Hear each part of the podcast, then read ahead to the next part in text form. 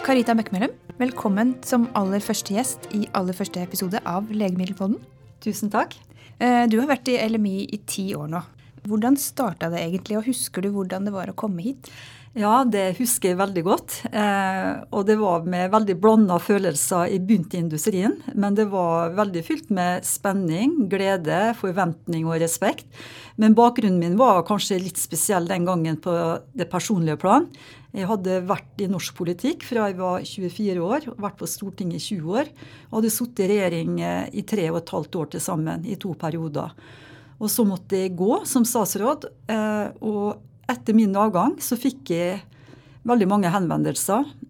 Alt fra det var vel sju-åtte bokforlag som henvendte seg og ville gi ut bok.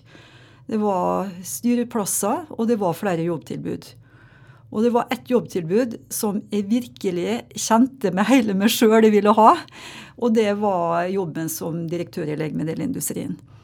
Og grunnen til det var jo at eh, jeg følte at det å kunne jobbe med å redde liv Jeg hadde ikke erfaring eh, på det politiske fagfeltet helsepolitikk eh, fra Stortinget.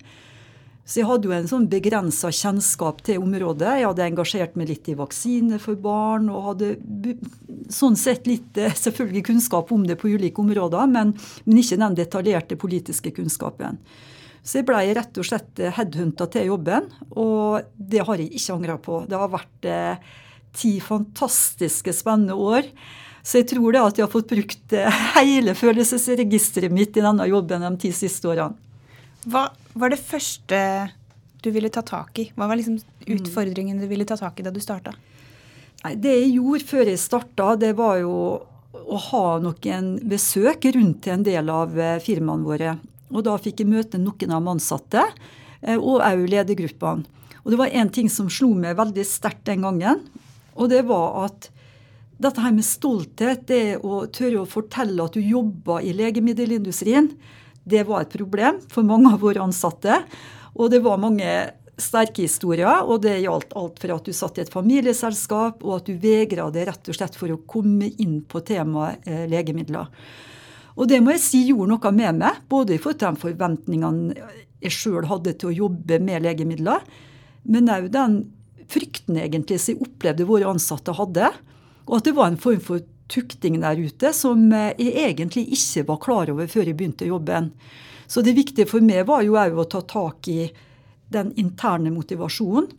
Eh, vi var nødt til å bygge både en tillit utad til aktørene, men vi var òg nødt til å bygge en tillit internt med å tro på vår egen verktøykasse, mm. vår egen produksjon. Hvem var vi? Hvem er denne bransjen i Norge?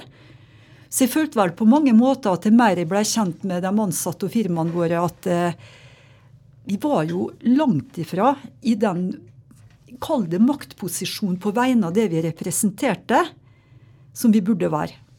Du snakker ofte om at det er viktig å være synlig. Hvorfor det? I Norge er vi kanskje ikke så flinke til å snakke om makt. Eh, men jeg mener jo det vi ser vår bransje fortsatt bli utsatt for det er jo makt. Og det er jo faktisk av og til hersketeknikker fra enkeltpersoner som representerer tunge faginstanser som vi skal forholde oss i. Og For meg var det veldig klart at vi var nødt til å bygge tillit, og derigjennom kunne vi òg få en økt synlighet. Vi var nødt til å ta en form for lederskap med å synliggjøre våre innovasjoner, våre muligheter. Hva type verdi er det vi har inn til samfunnet vårt? Og prøver egentlig å snu mye av tenkinga. Og det var i hvert fall én ting jeg visste. Dette jeg kan ikke gjøre ved å fokusere negativt. Vi var nødt til å bygge opp et mulighetsrom og fokusere på hva vår innsatsfaktor ville ha å si for de kommende statsbudsjettene, for arbeidskraftreserven vår, for å kunne levere smartere helseløsninger i framtida til, til befolkninga vår. Mm. Så det med synlighet det har ligget der som et viktig kriterium hele tida. Og det må du behandle med respekt. Og det har òg bestandig noen litt tøffe sider. For at når du får synlighet, så har du bestandig ei slagside. Det tror jeg alle politikere har opplevd som har hatt mye synlighet. At det er mer synlighet, så vil du kunne få mye applaus og gehør. Men du vil òg faktisk få mye juling. Og så er det òg slik at, eh, at når du får en sterkere maktposisjon, så betyr det igjen at du kanskje utfordrer andre sin maktposisjon. Du er ikke enerådende lenger på ditt felt. Og det var viktig for meg for bransjen, det at vi skulle ta en, en sterkere plass i det offentlige ordskiftet, og derigjennom kunne få nye rammebetingelser for vår bransje.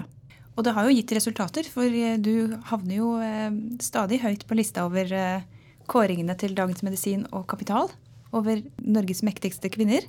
Det er selvfølgelig hyggelig. Men dette her handler jo om eh, det sterke teamarbeidet som jeg mener vi har hatt i industrien gjennom de siste årene. Og vi har jobba veldig målretta på strategier.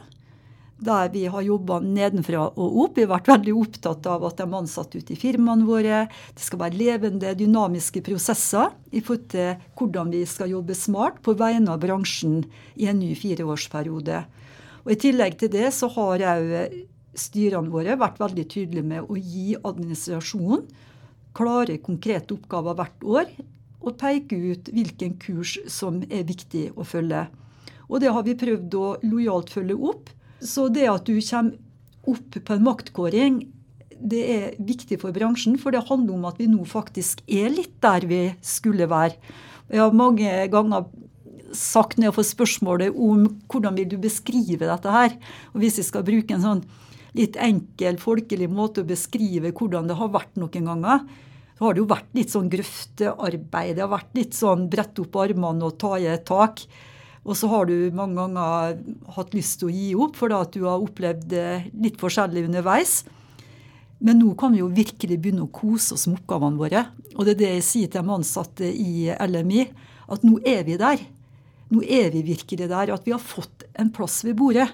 Og hvis at vi skal få til endringer i rammebetingelsene, så er du først og fremst nødt til å være en partner som det blir lytta til, og at de tar det våre firmaer kommer eh, med på alvor. Og det er det jeg føler vi har oppnådd nå. Mm. Så nå er det på mange måter en litt sånn ny dimensjon i jobbinga vår. Vi har mange eksempel på det. Men det blir, det blir, veldig, det blir jo mye mer gøy, da. Så sjøl om du av og til kanskje må ha en liten krig, og du må fighte litt, og det gjør det kanskje litt godt, det òg, så er det litt deilig nå, det må jeg bare si, å få lov til å kose seg litt med oppgavene, for vi har så mye å komme med. Og vi ser òg at de ansatte ute i firmaene stiller veldig opp. Og jeg tror de, de skinner på en litt annen måte enn kanskje jeg opplevde for ti år siden. Synlighet det gjelder jo ikke bare for myndigheter og beslutningstakere, men også for allmennheten. Hva vil du si du gjør for å få en forståelse blant allmennheten for hva vi jobber med?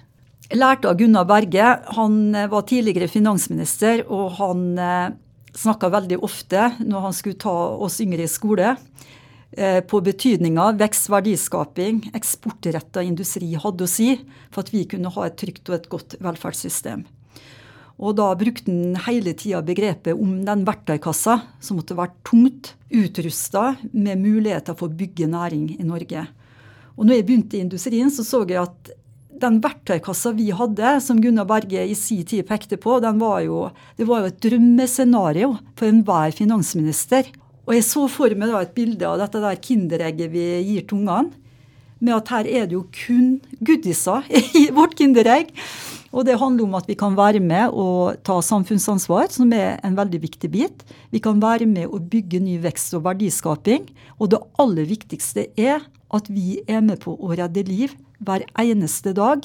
Og vi kan òg gjøre dette her på en mye sterkere måte i årene som kommer. Hvis at de tre elementene i kinderegget fortsatt blir politisk tungt vekta i framtida, så er jeg overbevist om at denne industrien her vil komme til å skinne på en helt annen måte enn det vi kanskje av og til opplever at vi gjør i dag.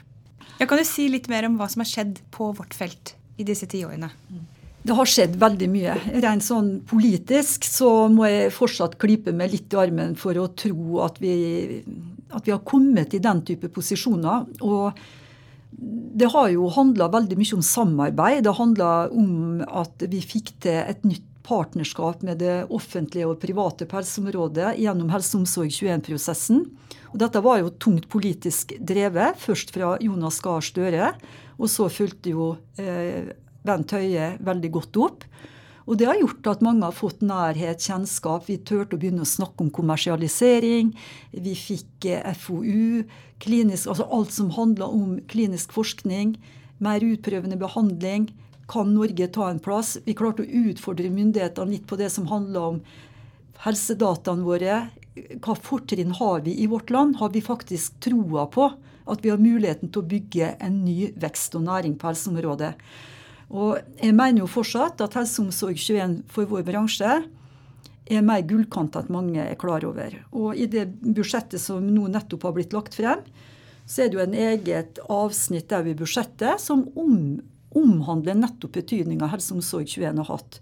Og Det handler om igjen at vi nå har fått en helsenæringsmelding, som det pekes på i budsjettet. Og at det er et oppdrag som er gitt fra regjeringa til dem som sitter som operative etatsledere, til dem som sitter i Beslutningsforum, til rett og slett å påse at den nye politikken blir iverksatt. Vi skal ha partnerskap.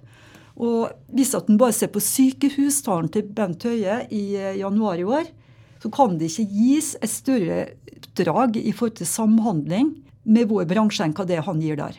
Og I tillegg til det så er det jo ganske unikt at en eh, ganske liten og ukjent næring i Norge kommer inn som en satsingsområde to ganger i en regjeringserklæring. Dette skal regjeringa levere på. Eh, vi fikk en ny legemiddelmelding som endra målet om lavest mulig pris. Det står der fortsatt, at det skal være riktig pris. Og selvfølgelig vil myndighetene bestandig etterstrebe seg på å få ned prisene. Men i tillegg så fikk du tre andre mål som gjør det at vi nå ser faktisk i innkjøpsprosessene som LIS håndterer, at bl.a. miljøvernaspektet blir vektlagt. Så vi er, vi er i gang. Vi har ikke kommet langt nok, langt derifra, men vi er faktisk i gang med å jobbe med å realisere målene. Et annet konkret eksempel er jo handlingsplaner på kliniske studier, som Helsedepartementet nå holder veldig tungt i. Og de starta da sitt, sin oppstart for å få innspill på vårt FoU-møte i LMI. Og de var fire stykker som kom fra departementet for å sitte og lytte, høre på våre innspill. Og vi ser òg at departementet er meget aktivt, lyttende for å nå legge fram en handlingsplan som skal bli så målrettet som overhodet mulig. Og I tillegg til det så er det mange andre ting jeg kunne ha nevnt, men jeg tenker det at det vil være veldig viktige ting for oss å, å ta med oss i det videre politiske arbeidet. Så har vi jo selvfølgelig helsenæringsmeldinga som er til behandling i Stortinget nå.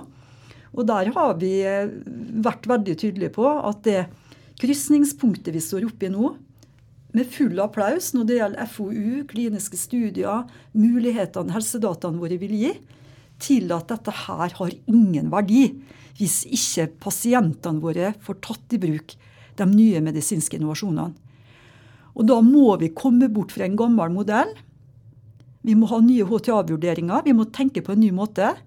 Og vi må ha moderne fagetater som tør å gå i en dialog med oss. Og det må være et operativt lederskap der én ansvarlig, f.eks. SLV og Audun Hårgård, tar et ansvar nå for å lede gjennom en prosess som medfører konkrete endringer i beslutningssystemet vårt. Så jeg kan forstå det sånn at det har skjedd utrolig mye eh, i riktig retning de siste ti årene. Men du kan fortsatt ikke lene deg tilbake? Nei, altså vi er altså, Jeg tror enhver næringsaktør vil aldri bli fornøyd. Og det skal vi ikke være heller. Da tenker jeg at det er noe, et eller annet som er feil. Men eh, jeg tror nok det at vi, vi har noen muligheter som vi aldri tidligere har hatt på det mest krevende feltet vårt, nemlig eksess og tilgang. Og jeg må jo si at jeg syns det er utrolig spennende å se hvordan makta demokratiet har endra seg på disse ti årene. Hvilken betydning sosiale medier har hatt å si hvordan vi har fått til og med et helseparti. Hvordan vi får aksjoner fra pasientene foran Stortinget. Eh, vi ser pasienter som sitter i beste sendetid på, på lørdagskvelden med produktnavnet vårt på T-skjorta. Det var utenkelig bare for få år siden. Og jeg tror det handler litt om den opprydninga industrien sjøl har hatt, som var et stort tema når jeg begynte. Eh, med å rydde opp i forhold til betalte reiser til leger profesjonalisere og ha tillit på det vi leverer av kunnskap, det skal det skinne av. Jeg tror du folk er klar over hvor strenge regler eh, industrien forholder seg til? Nei, det tror jeg ikke. Og der eh, har vi et stort potensial, ikke minst for enkeltselskap, som òg kan ha en veldig mye mer tydelig stemme på hvor strengt regulert de faktisk er. Og jeg har vært mye ute og snakka i ulike forsamlinger om industrien. Og jeg pleier å si det at jeg våger én påstand.